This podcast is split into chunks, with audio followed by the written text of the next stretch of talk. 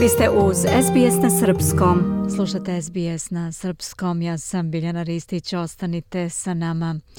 U Crnoj Gori afera Tunel poprima razmere hollywoodskog filma.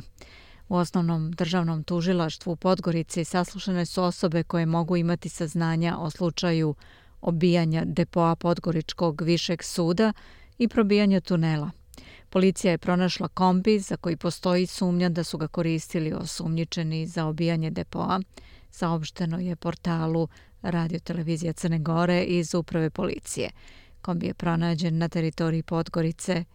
Šest osoba koje su osumnjičene da su kopale tunel nisu iz Crne Gore i policija za njima intenzivno traga, rečeno je portalu RTCG u bezbednostnom sektoru. Ovom temom bavi se danas naša saradnica iz Podgorice, Milica Delibašić. Da čujemo. Vi ste uz SBS na Srpskom. Filmske scene u Crnoj Gori, nakon što je objavljena informacija da je obijen depo Višeg suda u Podgorici u kome se nalaze tone zapljenjene droge te brojni dokazni materijali, otkriven je tunel koji je prokopan ispod depoa, koji vodi do privatnog stana preko puta suda.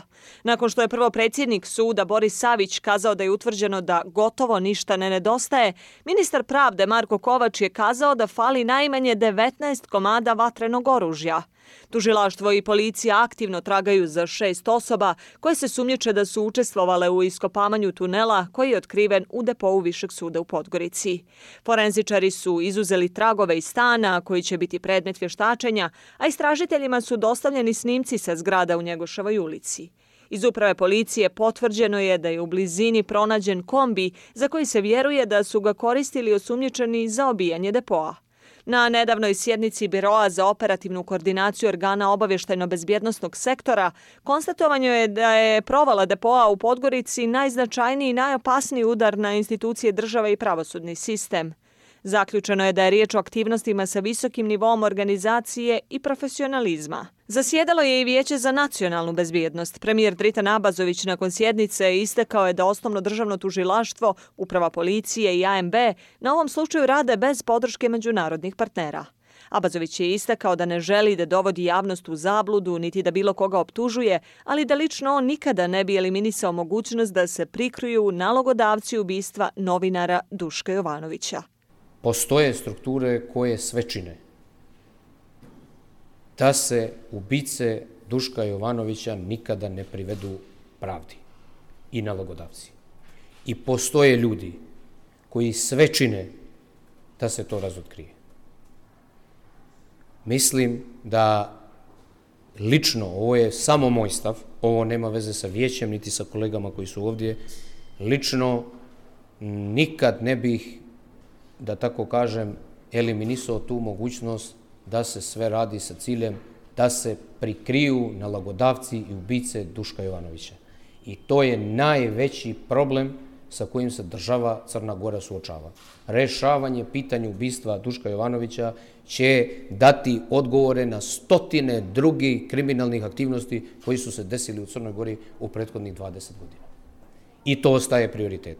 I kogod misli da može to da zaustavi, ja tvrdim ovdje pred ovim ljudima odgovorno i pred crnogorskom javnošću da dokle, ne dokle bude ove vlade, no dokle bude jednog čovjeka u Crnoj Gori, spremnog da se žrtve, da se ta, to pitanje riješi, da mi nećemo, mi nećemo stati. Napadi na sektor bezbjednosti potpuno su očekivani, a zajednički interes napadača je povratak mafije, rekao je ministar unutrašnjih poslova Filip Adžić. Vršilac dužnosti direktora uprave policije Nikola Terzić nije želio da saopšti imena osumnjičenih za kopanje tunela, navodeći da bi otkrivanje podataka u ovom momentu olakšalo počiniocima. Ja apelujem u svoje lično ime u ime uprave policije sve za strpljenje, da dozvolite upravi policije da na neki način zatvori kompletan slučaj.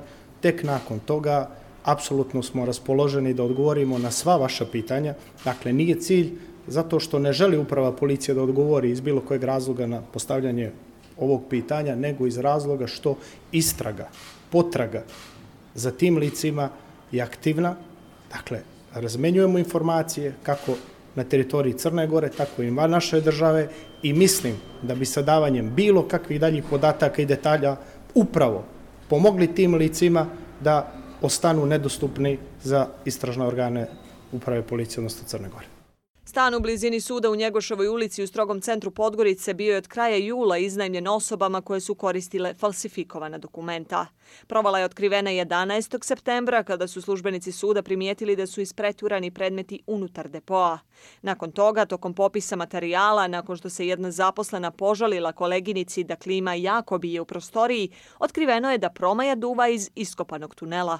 U neposrednoj blizini stana, osim zgrade Višeg suda, nalaze se zgrade najvažnijih državnih institucija, Skupštine, vlade, Ustavnog suda, Centralne banke.